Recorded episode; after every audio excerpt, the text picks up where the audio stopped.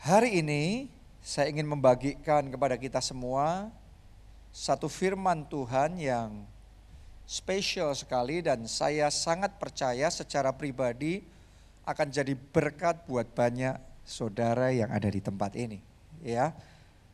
Tema firman Tuhan, judul khotbah hari ini adalah overcoming loneliness atau mengatasi kesepian. Oke, ini satu topik yang luar biasa karena saya akan bicara tentang yang namanya loneliness, yang namanya kesepian.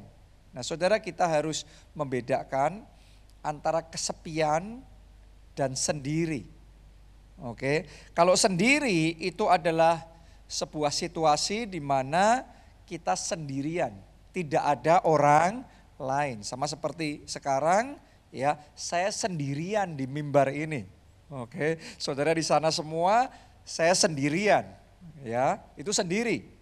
Jadi di mimbar ini nggak ada orang lain lagi, ya atau mungkin saudara tinggal sendiri di rumah saudara itu sendiri.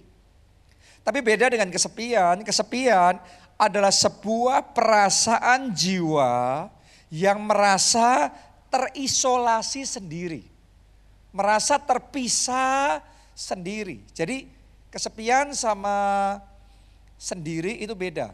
Ada orang yang sendiri tapi nggak merasa kesepian. Oke, sebaliknya ada orang yang bersama-sama dengan banyak orang di saat ada bersama dengan banyak orang pun sebagian orang bisa tetap merasa kesepian. Jadi kita harus membedakan antara sendiri dan kesepian. Di Alkitab Tuhan Yesus sering menarik dirinya sendirian untuk berdoa. Tapi sekalipun Tuhan Yesus sendirian berdoa, Tuhan Yesus tidak pernah merasa kesepian. Dia tahu ada Bapak Surgawi yang bersama-sama dengan dia. Dia tahu dia tidak sendiri. Saya berdoa melalui firman Tuhan hari ini, kita semua akan dimerdekakan dari kesepian. Oke, kita semua akan bisa mengatasi kesepian. Nah, sebelum kita masuk lebih dalam, saya mau bagikan kepada saudara tujuh jenis kesepian. Nomor satu, kesepian karena berada di situasi yang baru. Oke, mungkin apalagi bulan-bulan seperti sekarang ada mahasiswa-mahasiswa yang sedang merantau, pindah karena studi, Anda mau kuliah di Jakarta atau di Jogja, di kota-kota tertentu yang beda dengan tempat asal saudara. Nah lingkungannya baru, semuanya baru, teman-temannya baru, nggak ada keluarga. Jadi saudara merasa kesepian. Atau mungkin di tempat ini ada juga saudara yang merantau bekerja pindah kota karena saudara mendapatkan pekerjaan yang baru atau merintis satu usaha yang baru. Nah kadang-kadang situasi seperti itu bisa membuat orang merasa kesepian. Saya masih teringat Sekian tahun yang lalu ketika saya lulus SMA, terus kemudian saya kuliah di Amerika. Waktu saya ada di sana, saya jauh dari keluarga, saya jauh dari teman. Saya nggak kenal siapa-siapa yang ada di sana. Semuanya baru, ya lingkungannya baru, budayanya baru, bahasanya baru, yang mana saya nggak menguasai teman-temannya semuanya juga baru. Jadi di sana saya merasa kesepian. Ada nggak di tempat ini saudara yang sedang merasa kesepian karena ada di situasi yang baru? Itu yang pertama. Yang kedua, kesepian karena merasa berbeda dari yang lainnya. Oke, bisa jadi Anda bekerja di satu tempat, di satu kantor, ya, iman saudara yang paling berbeda dibandingkan teman-teman saudara yang lain. Anda sendiri Kristen, yang lainnya belum percaya sama Yesus. Jadi kalau ngomongan kadang-kadang saudara jadi nggak enak dan Anda akibatnya merasa kesepian. Oke, mungkin ada ibu-ibu di sini, saudara punya teman-teman yang lainnya suka ngumpul, suka arisan, suka gosip, tapi Anda nggak enjoy di situ, Anda merasa paling berbeda. Kayak saya dulu waktu masih kecil saudaraku, saya juga sempat pernah merasa kesepian ya karena saya merasa paling berbeda dibandingkan anak-anak yang lain, teman-teman saya yang lain pada waktu itu karena saya anak pendeta. Kadang-kadang anak pendeta dituntut harus gini, harus gitu, nggak boleh begini, nggak boleh begitu. Selalu diasosiasikan, dikaitkan dengan orang tua saya. Selalu diharapkan hal-hal tertentu harus saya lakukan. Dan itu semua membuat saya jadi ngerasa nggak enak dan akibatnya ada perasaan kesepian. Oke, itu yang kedua. Nah sekarang yang ketiga. Kesepian karena belum mempunyai pasangan hidup. Halo jomblo. Jomblo-jomblo di sini. Oke, terutama yang umurnya nambah terus nih. Ya, dan siap saat di calling-calling terus, di WA-WA terus sama orang tua saudara ditanya-tanyain terus. Sudah ada belum? Sudah ada belum? Ayo dong, cepet dong. Mama sudah kepingin segera gendong cucu loh dan macam-macam dan macam-macam. Akibatnya sebagian orang merasa desperate di situ, sebagian jomblo merasa putus asa dan merasa sangat kesepian sekali di situ. Nah kalau itu saudara, saya berdoa hari ini kasih Tuhan melanda hati saudara dan hari ini Anda dibebaskan dari perasaan kesepian. Hari ini Tuhan memenuhi hidup saudara. Boleh katakan amin. Kita kasih tepuk tangannya boleh yang meriah buat Tuhan kita. Amin. Ya. Nah itu yang ketiga. Sekarang yang keempat. Kesepian karena merasa tertolak. Contoh misalnya ya suami yang mau deket sama istrinya, tapi istrinya nggak mau deket sama suaminya. Jadi merasa tertolak. Oke, bisa ketika merasa tertolak terus kemudian merasa kesepian mulai menarik diri. Kadang-kadang itu muncul. Dan bukan kadang-kadang, sering juga itu terjadi. Atau mungkin saudara punya anak dan Anda ingin dekat sama anak saudara, tapi entah bagaimana cara saudara mengekspresikan kasih saudara itu nggak masuk buat anak saudara sehingga anak saudara lebih dekat sama pasangan saudara atau lebih dekat sama orang lain daripada mau dekat sama saudara ketika Anda mau dekat sama anak saudara, anak saudara menolak akibatnya Anda merasa tertolak dan saudara merasa kesepian. Ada berapa banyak orang yang merasakan seperti itu. Sebagian orang merasa kesepian karena mau bermain bersama dengan teman-teman, mau dekat sama teman-teman yang lain, tapi teman-teman saudara nggak merasa cocok sama saudara. Mereka nggak mau bergaul sama saudara, bahkan kadang-kadang Anda diolok-olok. Akibatnya Anda merasa tertolak. Dan karena tertolak, Anda jadi sendiri. Anda merasa kesepian. Nah itu itu penyebab-penyebab yang keempat ya. Sekarang yang kelima. Kesepian karena orang lain tidak memperhatikan kita. Ada nggak di sini anak-anak yang merasa kesepian di rumah karena saudara mau deket sama papa mama saudara, tapi papa mama saudara terlalu sibuk Terlalu banyak aktivitas, jarang ada di rumah, jarang punya waktu sama saudara sehingga Anda merasa kesepian. Ada juga suami istri yang kayak gitu loh. Yang suaminya sibuk sekali. Yang istrinya sibuk sekali. Sehingga nggak punya waktu sama pasangannya. Akibatnya pasangannya merasa kesepian. Ada berapa banyak kejadian-kejadian di mana bukan cuma yang laki sibuk, yang perempuan sibuk. Yang istrinya wanita karir. Waduh, hebat karirnya.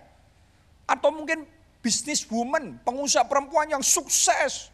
Jaya, wah luar biasa. Ngerjain apa aja jadi, wah koneksinya luar biasa. Maju sekali, melejit. Tapi suaminya jadi merasa kesepian. Nggak bisa ngimbangin merasa kesepian, kesepian di rumah akhirnya terbuka celah, gampang sekali tergoda, akhirnya jatuh dalam dosa percinahan. Dimulai dari hal-hal yang seperti ini. Perasaan kesepian kalau nggak hati-hati itu jadi celah, kita bisa jatuh dalam dosa. Ada berapa banyak kejadian di sekeliling kita yang seperti itu, merasa kesepian karena tidak diperhatikan. Itu yang kelima. Sekarang yang keenam. Kesepian karena tidak bisa percaya dengan teman-teman saudara. Bisa jadi saudara punya teman-teman yang tipenya susah untuk dipercaya. Atau mungkin saudara sebenarnya sudah pernah percaya sama mereka, tapi Anda menjumpai satu fakta, kenyataan di mana memang mereka tidak bisa dipercaya. Mereka mengkhianati saudara dan yang seperti itu sering kali karena mereka orang-orang yang terdekat dan kita merasa terluka dan kita merasa tidak bisa lagi percaya sama mereka, kita menarik diri, kita jadi terisolasi, kita jadi merasa kesepian. Saya juga pernah ngalami karena dulu saya pernah ngalami suatu masa dalam hidup saya di mana saya uh, merasa dikhianati oleh orang-orang yang paling saya percaya, yang paling dekat sama saya, ya ada di sekeliling saya. Akibatnya saya jadi susah untuk percaya. Ketika saya susah untuk percaya, saya jadi membangun tembok antara saya sama mereka. Saya jadi menarik diri, saya jadi merasa terisolasi. Kalau sudah begitu, jadi merasa kesepian. Oke, itu penyebabnya. Ya.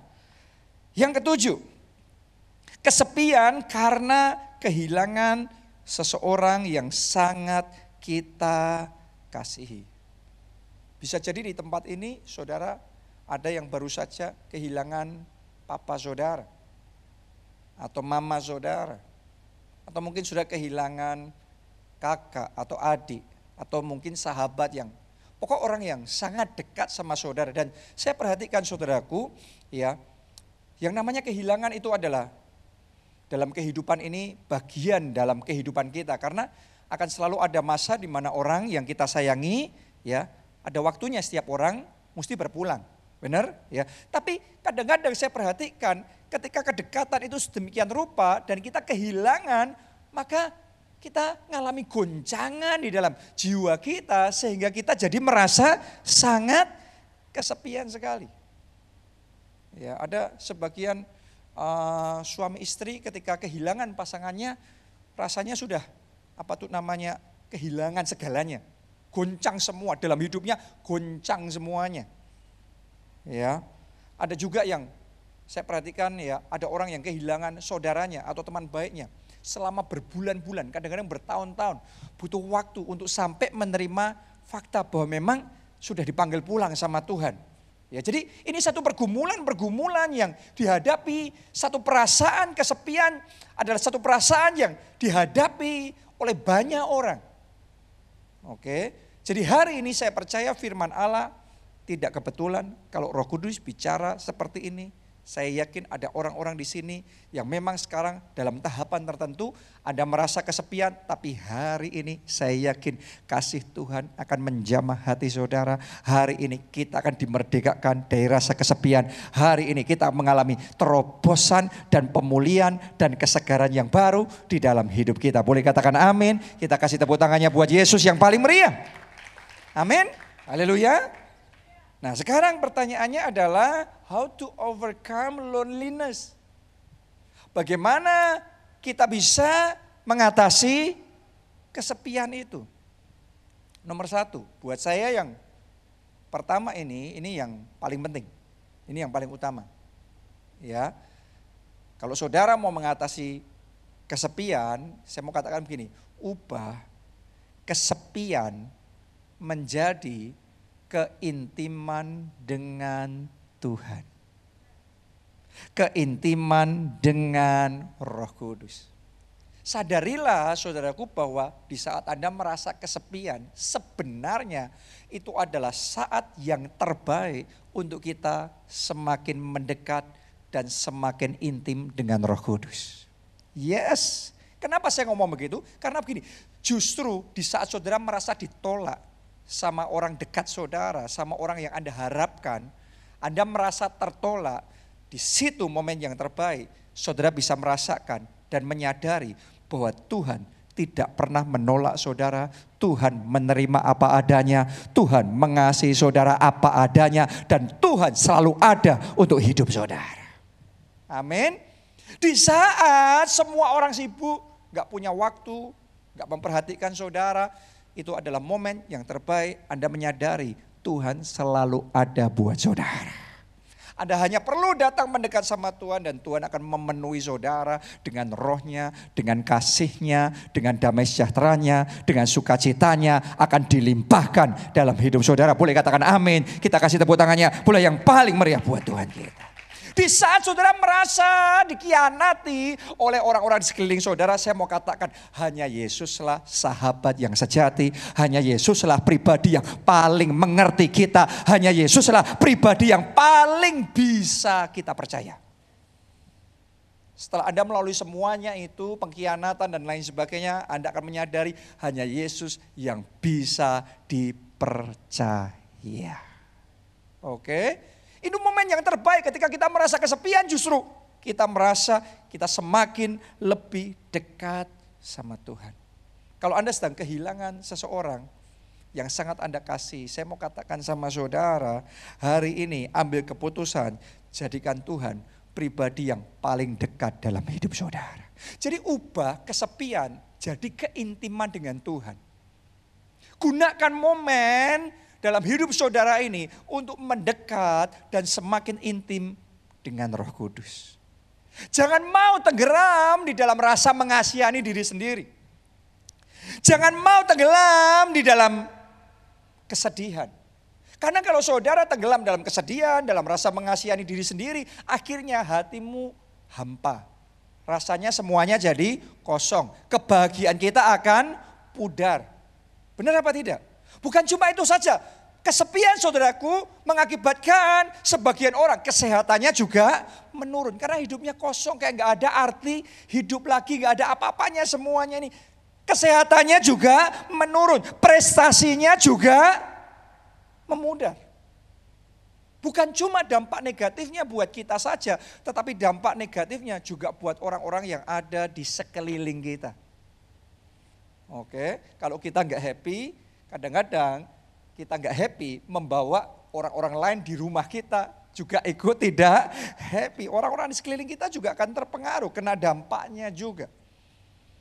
Karena itu saya ingin ajak semua jemaat keluarga Allah yang saya kasih di tempat ini, ambil keputusan, gunakan momen ini dalam hidup saudara untuk bangun keintiman yang lebih dalam dan semakin dalam, semakin karib dengan Roh Kudus. Amin. Mari kita baca Mazmur 62 ayatnya yang kedua. Hanya dekat Allah saja aku apa? tenang. Daripadanya lah keselamatanku. Saya mau ngomong begini sama saudara. Kalau Anda merasa kesepian, tapi saudara dekat sama Tuhan. Pemasmur ngomong hanya dekat Allah saja. Aku tenang. Justru kalau saudara dekat sama Tuhan, Tuhan akan penuhi hati saudara dengan ketenangan. Tuhan akan penuhi hati saudara dengan sukacita dengan damai sejahtera. Tuhan akan berikan kekuatan baru di dalam kehidupan saudara. Justru ketika saudara merasa kesepian, saya mau katakan begini, saudara akan bisa masuk di dalam dimensi keintiman dengan Tuhan yang lebih dalam daripada yang pernah Anda alami sebelumnya. Kenapa? Karena Anda paling bisa fokus sama Tuhan. Karena nggak ada hal yang lain lagi. Kita fokusnya hanya sama Tuhan. Gak ada yang mengalihkan perhatian kita lagi. Kita hanya punya Tuhan di dalam hidup kita. Dan sepenuhnya hidup kita bersama dengan Tuhan. Dan justru di momen seperti itulah Anda akan bisa tenggelam lebih dalam lagi di dalam hadirat Tuhan. Waktu saudara masuk dalam keintiman yang seperti itu dan Anda menenggelamkan diri dalam firman, saya mau katakan Anda akan mendapatkan rema dan pewahyuan yang tidak pernah Anda dapatkan sebelumnya melalui keintiman dengan Roh Kudus. Justru di momen seperti ini Anda akan terima pengurapan yang lebih besar dan kuasa Allah yang lebih nyata dimanifestasikan terjadi dalam hidup saudara. Justru ketika engkau merasa sepi tapi engkau mendekat sama Roh Kudus. Engkau bangun keintiman dengan Tuhan. Anda akan dibawa Tuhan mengalami pengalaman-pengalaman pribadi bersama dengan Yesus yang belum pernah engkau alami sebelumnya. Itu pengalaman-pengalaman yang nyata, pengalaman-pengalaman yang indah dan dahsyat dan luar biasa. Roh Kudus akan kerjakan dalam hidup saudara ketika Anda membangun keintiman dengan Yesus. Tepuk tangannya lebih meriah lagi buat Tuhan kita. Jadi hari ini saya ajak semuanya, ayo kita bangun keintiman dengan Tuhan. Entah saudara merasa kesepian atau Anda tidak merasa kesepian, saya mau katakan bangun keintiman dengan Roh Kudus. Tapi buat saudara yang merasa kesepian, saya mau katakan sama saudara ini the best moment, ini waktu terbaik Anda dekat sama Tuhan. Jadikan Yesus sahabat terbaik dalam hidup saudara. Dan saya mau katakan begini, buat saya ini rahasia dalam hidupnya Daud. Daud itu belajar untuk mengubah kesepiannya menjadi keintiman dengan Tuhan. Kita baca ya, Mazmur 27 ayat 10. Saya bacakan buat saudara. Ditulis begini. Sekalipun ayahku dan ibuku meninggalkan aku. Namun Tuhan menyambut aku. Wow. Ada berapa banyak orang merasa papaku nggak adil, mamaku nggak peduli sama aku. Terus komplain, komplain, ngomong-ngomong seperti itu. Tapi hebatnya begini, Daud ngomong, sekalipun ayahku dan ibuku meninggalkan aku. Hebatnya begini, jadi dia merasa kesepian juga memang. Sempat merasa kesepian. Tapi kata-katanya dilanjutkan, namun Tuhan menyambut aku. Artinya waktu dia merasa kesepian, dia larinya sama Tuhan. Ketika dia berlari sama Tuhan, Tuhan tidak menolak dia. Tuhan buka tangannya lebar-lebar. Tuhan welcome dia. Tuhan sambut dia. Dan Daud tahu, Daud dikasih, Daud diterima oleh Tuhan. Boleh katakan amin. Kita kasih tepuk tangannya. Boleh yang paling meriah buat Tuhan kita. Amin. Ya, ini yang dialami oleh Daud. Dia merasa memang ditolak oleh ayahnya dan ibunya. Oke, kalau Anda mengingat kisah Daud, maka Anda akan menyadari bahwa sebenarnya Daud ini dibeda-bedakan dibandingkan dengan kakaknya yang lain, diperlakukan dengan tidak adil. Kakak-kakaknya dikasih kesempatan jadi tentara, itu jabatan terhormat waktu itu, zaman itu. Tapi saudaraku Daud disuruh jadi gembala domba. Jadi perlakuannya berbeda. Ketika Nabi Samuel datang mau memilih salah satu dari anak-anak Isai, Isai itu bapaknya Daud. Ya. Mau dipilih untuk menjadi raja, diurapi jadi raja, yang lainnya disuruh semuanya menampilkan diri supaya punya kesempatan dipilih jadi raja, punya kesempatan maju, punya kesempatan dipromosikan. Cuma Daud sendiri yang nggak usah dipanggil karena dianggap tidak ada harapan, hopeless. Jadi kalau saudara merenungkan semuanya itu, maka Anda akan mengerti bahwa Daud merasa, ya ada sisinya juga merasa ditolak oleh ayahnya dan ibunya. Diperlakukan dengan tidak adil oleh orang tuanya. Mungkin juga kalau Anda perhatikan lebih lagi, ya kakak-kakaknya pun juga gak suka sama Daud. Itu sebabnya begini saudaraku. Dalam momen yang seperti itu, itu momen yang paling indah, paling luar biasa. Daud memilih untuk berlari mendekat sama Tuhan. Tolong dengarkan baik-baik. Buat Daud saat itu, Tuhan itu segalanya. Kalau buat orang lain, Tuhan itu cuma salah satu dari begitu banyak hal.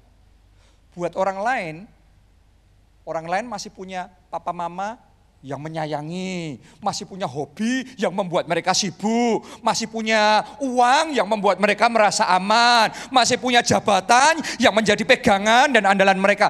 Tapi tidak demikian dengan Daud buat Daud dia nggak punya apa-apa, dia nggak punya siapa-siapa. Kalau ada satu pribadi yang paling dia andalkan itu cuma Tuhan. Kalau ada satu pribadi yang dia paling dekat itu cuma itu cuma Tuhan. Kalau ada andalan dalam hidupnya itu hanya Tuhan, hanya Tuhan, hanya Tuhan. Itu sebabnya buat Daud Tuhan segalanya. Saya berdoa di dalam hidup saudara, Tuhan bukan cuma salah satu dari begitu banyak hal. Yes, Anda diberkati. Yes, ada begitu banyak fasilitas. Yes, mungkin ada begitu banyak hobi saudara. Tapi pastikan Tuhan segalanya. Jangan jadikan Tuhan salah satu dari begitu banyak hal. Selingan saja, Senin, Jumat, Sabtu. Eh, Senin, Selasa, Rabu, Kamis sampai Jumat, sampai Sabtu. Ya untuk macam-macam yang lain. Ya minggu, dua jam ke gereja. No, no, no, no, no, no. Jadikan Tuhan segalanya. Jadikan Tuhan yang utama. Jadikan Tuhan yang pertama. Jadikan Tuhan satu-satunya dalam hidup saudara. Itu Daud. Makanya Daud intim banget sama Tuhan. Makanya Daud bisa dekat sekali sama Tuhan. Makanya Daud punya kekaripan yang luar biasa. Hubungannya dengan Tuhan. Isinya cuma Tuhan dan Tuhan dan Tuhan. Itu sebabnya Daud diurapi Tuhan lebih daripada yang lain. Daud diajari Tuhan lebih daripada yang lain. Daud terima kuasa Tuhan lebih daripada yang lain. Itu sebabnya Daud jadi pribadi yang luar biasa. Ternyata kesepiannya ketika dia dekat sama Tuhan, jadi keintiman sama Tuhan, itu adalah proses di mana Tuhan bekerja lebih dahsyat. Akhirnya Daud jadi raja terbesar di sepanjang sejarah bangsa Israel. Kenapa? Karena Daud belajar mengubah kesepian menjadi keintiman dengan Tuhan. Saya mau katakan sama saudara, kalau Anda belajar hal yang sama, hidupmu ini tidak akan sia-sia. Tuhan akan bekerja dahsyat dalam hidup saudara. Justru pengurapan Tuhan akan dicurahkan lebih dahsyat. Firman dan rema Allah akan dicurahkan lebih luar biasa. Pengurapan Tuhan, kasih Tuhan akan melanda hidup saudara. Dan terobosan-terobosan, kemenangan-kemenangan, mujizat-mujizat besar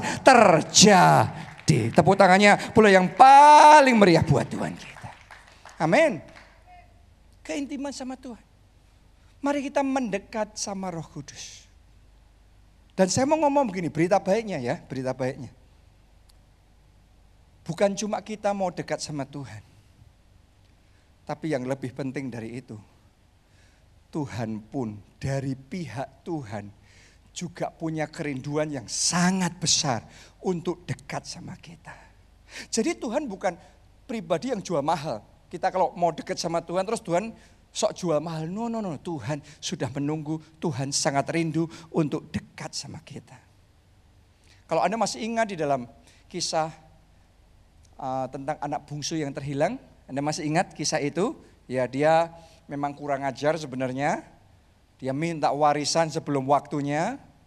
Dan kemudian dia pergi jauh, berfoya-foya, menghambur-hamburkan harta bapaknya, menghabis-habiskan semuanya itu. Sampai ludes, sampai akhirnya dia jatuh miskin, sampai akhirnya dia titik paling rendah, sampai akhirnya dia makan aja, nggak bisa.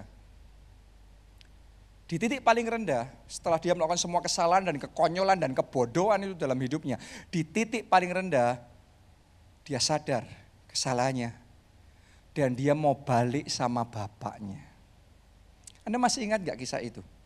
Ketika anak bungsu ini ambil langkah untuk balik, ambil langkah untuk mendekat sama bapaknya. Saya mau tanya sama saudara, respon bapaknya ketika dia melihat dari jauh anaknya itu pulang, seperti apa respon bapaknya?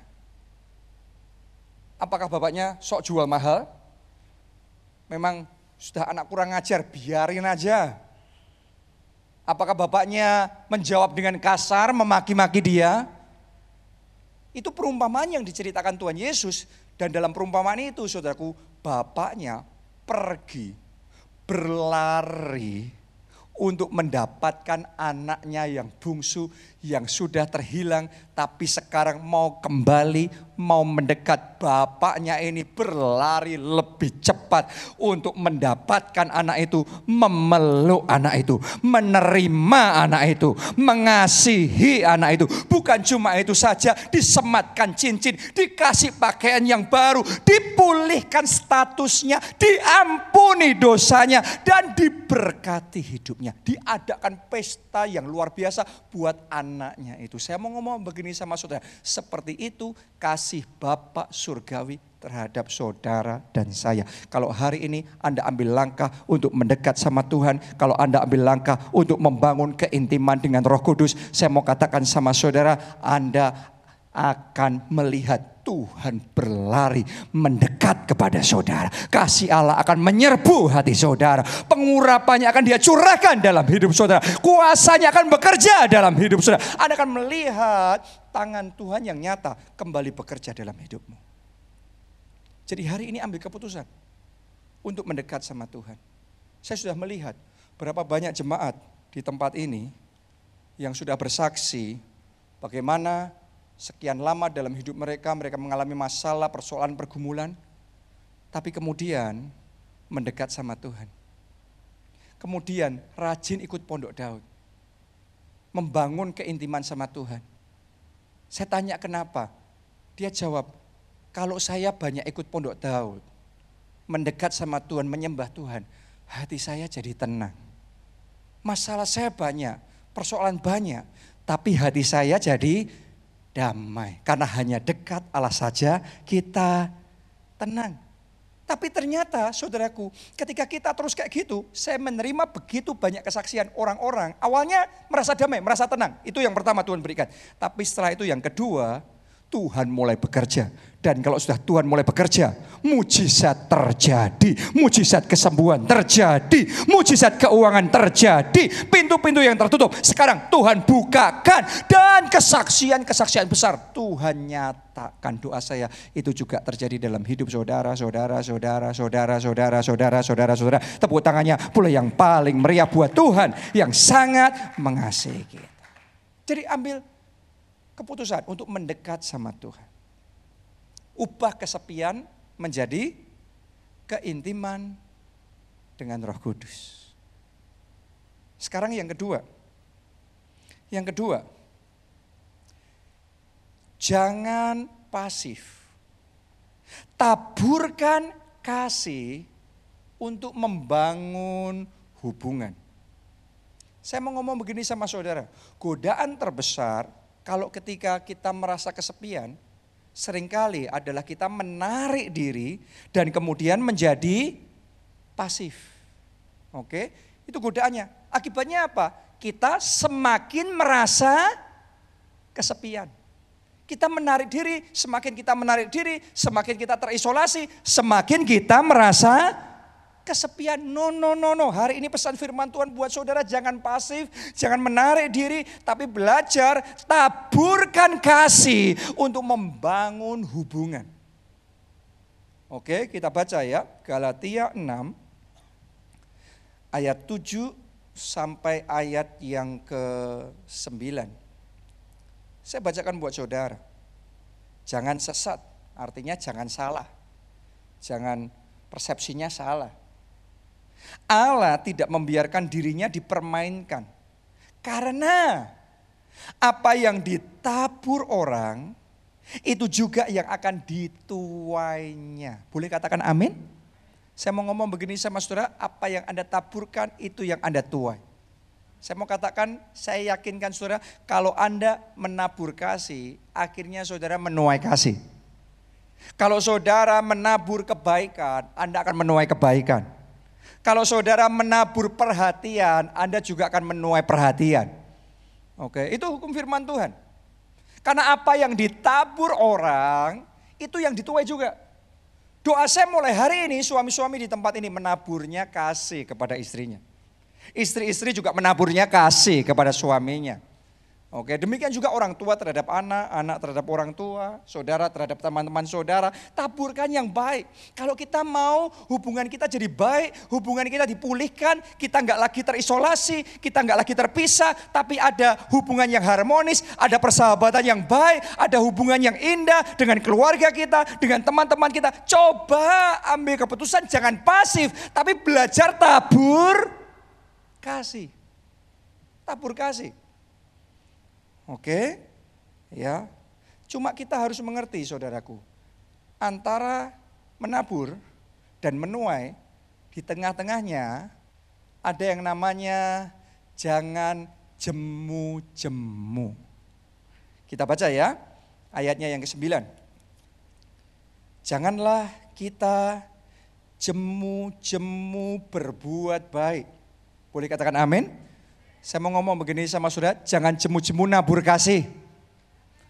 Walaupun tidak diterima, walaupun seolah-olah ditolak perhatian saudara, kasih saudara, tapi jangan jemu-jemu tabur kasih. Jangan jemu-jemu memperhatikan, jangan jemu-jemu mendoakan, jangan jemu-jemu melakukan hal yang baik. Kenapa kok kita disuruh jangan jemu-jemu berbuat baik? Karena apabila sudah datang waktunya. Jadi Anda yang sudah berbuat baik tapi masih tetap ditolak, Anda harus mengerti.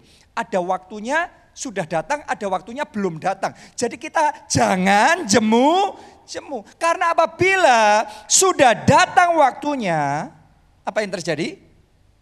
Kita akan menuai jika kita tidak menjadi lemah. Doa saya yang lemah dikuatkan, yang lemah dikuatkan, yang lemah dikuatkan, yang capek nabur kasih sama keluarga, capek buat baik sama suaminya, sama temannya, hari ini dikuatkan, dikuatkan, dikuatkan, semua kejemuannya dienyahkan, jangan jemu-jemu berbuat baik, jangan jemu-jemu menolong, jangan jemu-jemu jadi berkat, jangan jemu-jemu mendoakan, jangan jemu-jemu memperhatikan, karena apabila sudah datang waktunya, dan doa saya dalam nama Yesus tahun ini datang waktunya. Mulai sekarang datang waktunya. Dan Anda akan menuai, menuai, menuai, menuai.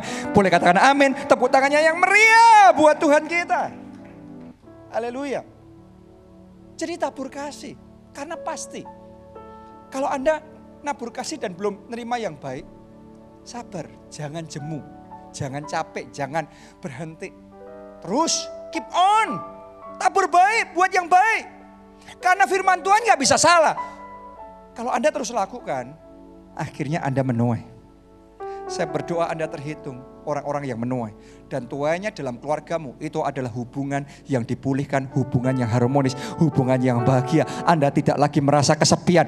Hubungan Anda dipulihkan, persahabatan sudah dipulihkan. Dan Anda akan mendapatkan sukacita yang besar dalam hidup saudara. Amin. Haleluya. Saya belajar tentang hal ini untuk tidak jemu, berbuat baik, tidak jemu, menabur kasih. Dulu saya mengalami, sempat mengalami beberapa kali benturan-benturan dengan beberapa teman, dengan beberapa saudara, ya. Sampai di satu momen Tuhan itu ngasih rema kepada saya untuk saya menerapkan firman Tuhan ini. Jangan cemu, berbuat baik. Walaupun gak enak. Namanya benturan, namanya punya masalah. Kan gak enak. Rasanya kan kita jengkel, kita marah. Tapi Tuhan suruh tetap buat baik.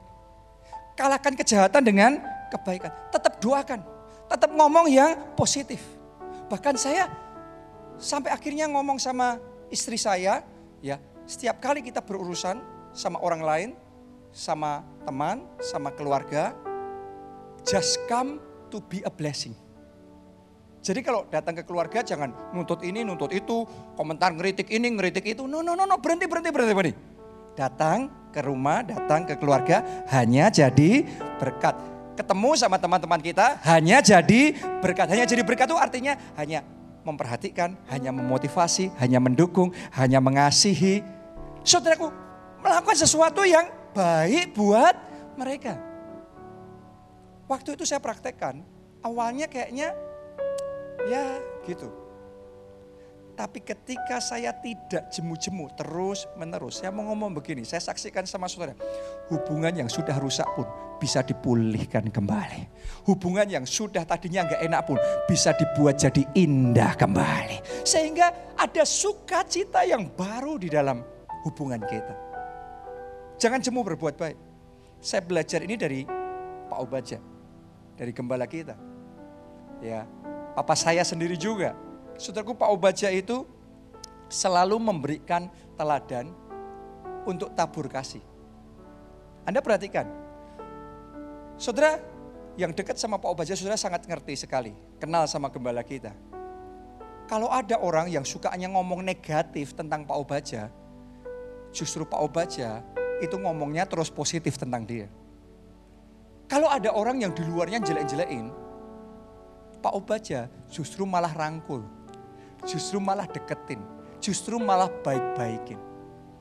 Dan itu Pak Obaja lakukan dengan konsisten. Gak peduli setelah itu orangnya jadi baik atau tetap tidak baik, no problem buat Pak Obaja tetap berbuat baik. Tetap tabur kasih. Tidak jemu-jemu menabur kasih. Dan yang luar biasa, sekarang Pak Obaja dikenal sebagai figur bapak yang baik, gembala yang dicintai, pribadi yang luar biasa.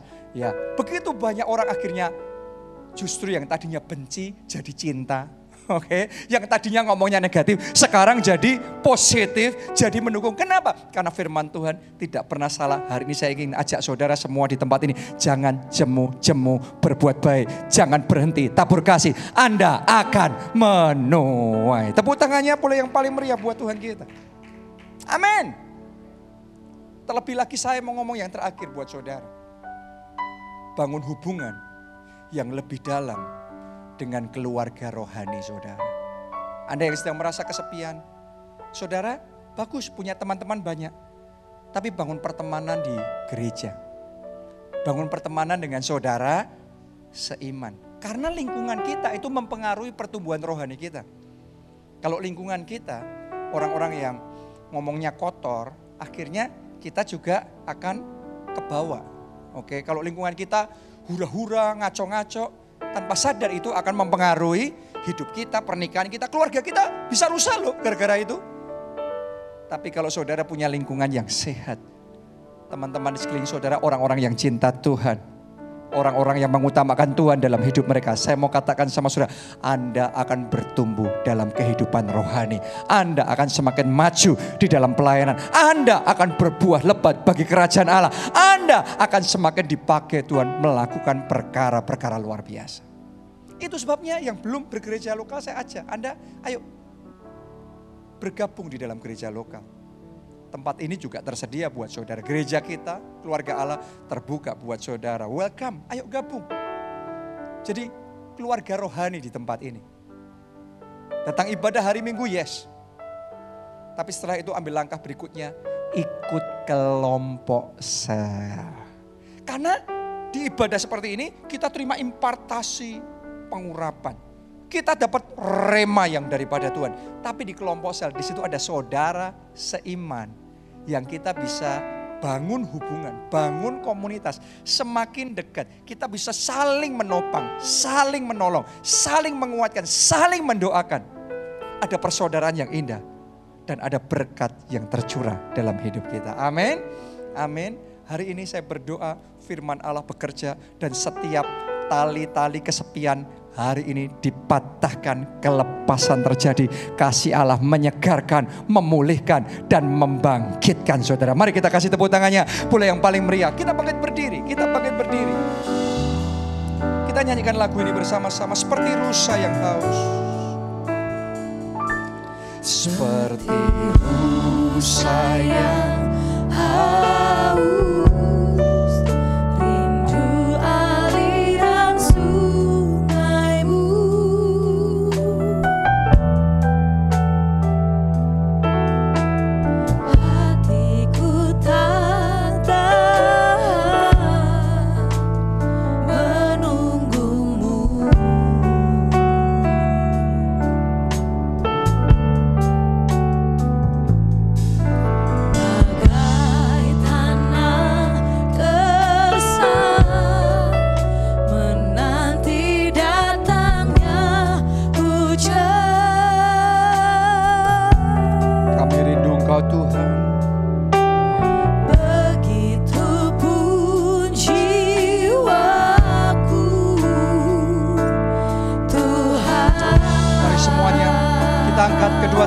dari hati. Katakan bersama.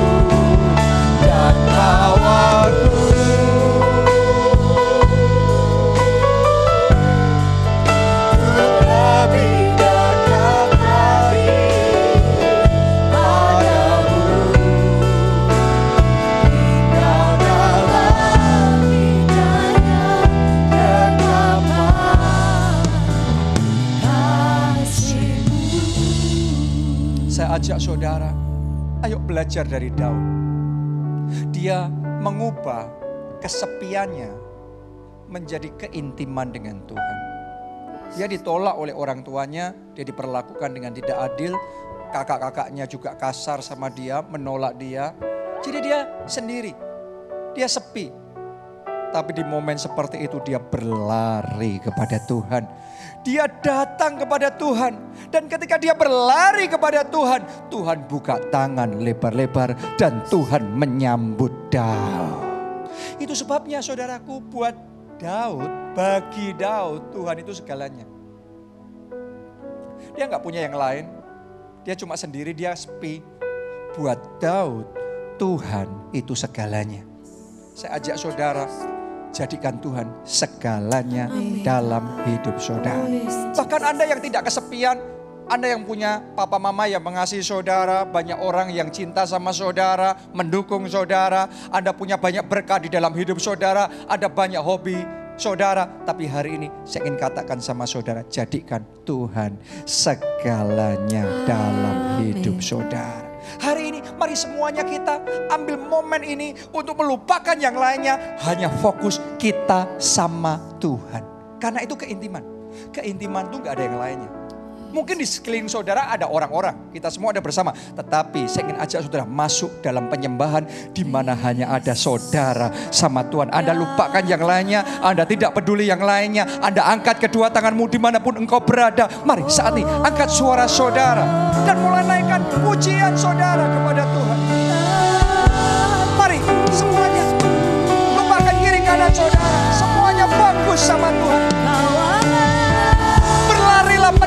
Mendekat sama Tuhan. Berlarilah mendekat sama Tuhan. Jadikan Tuhan satu-satunya. Jadikan Tuhan segalanya dalam hidup saudara. Oh,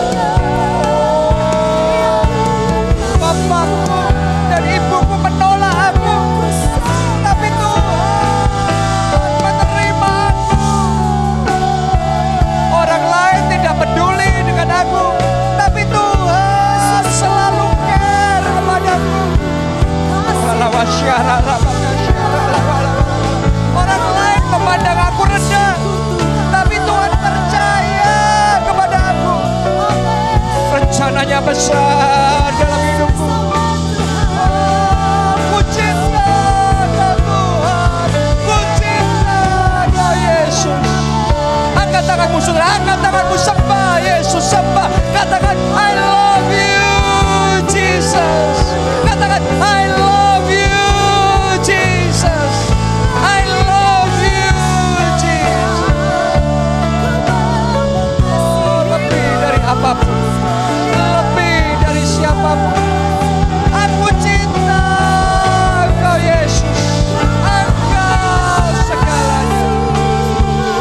Engkau satu-satunya,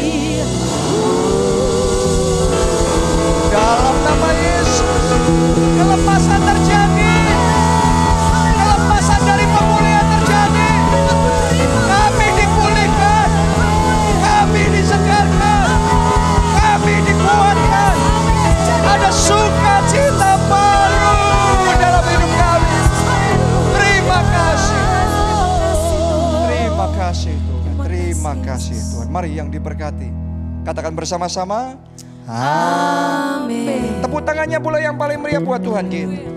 Nah saat ini kita akan mempersiapkan persembahan kita. Kita akan bawa di hadapan Tuhan. Tapi sebelum saudara memberikan persembahan itu, saya ingin ceritakan satu kesaksian yang luar biasa. Kasih setia Tuhan, kuasa Tuhan, firman Allah, ya dan amin.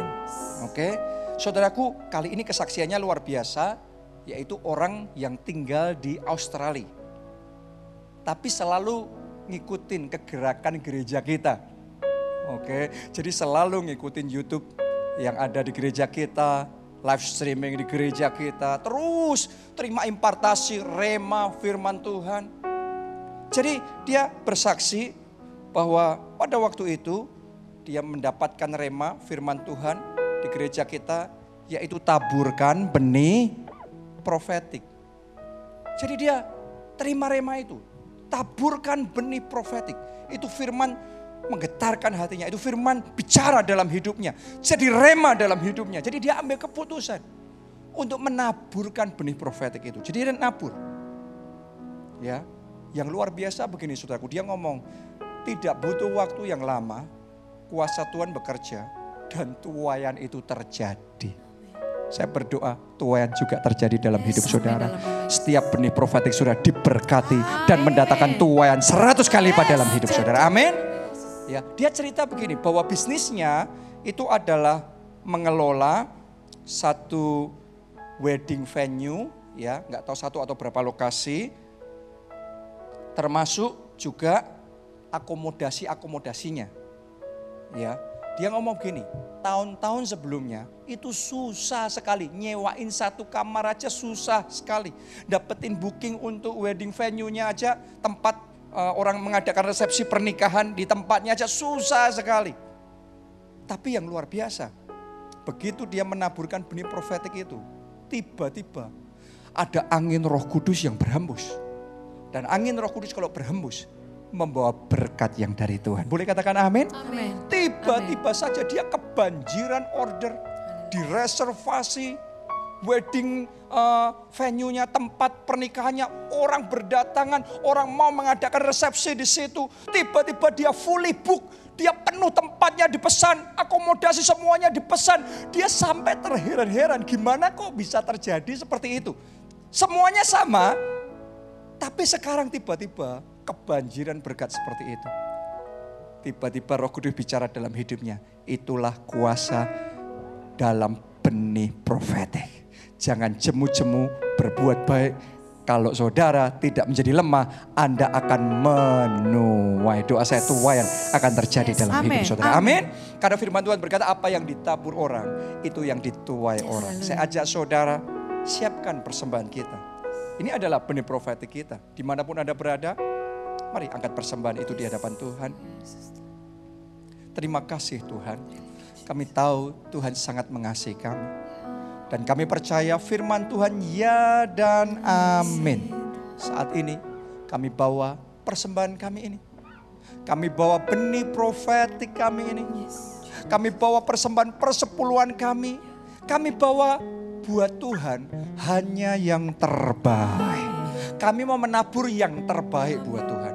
Karena kami tahu dan kami percaya tuayan Tuhan selalu yang terbaik bagi kami. Karena itu Tuhan ajar kami punya hati yang selalu memuliakan Tuhan dengan harta kami. Terimalah persembahan ini sebagai persembahan yang harum, yang berkenan, dan yang menyukakan hati Tuhan. Dalam nama Yesus kami berdoa. Amin. Silahkan duduk.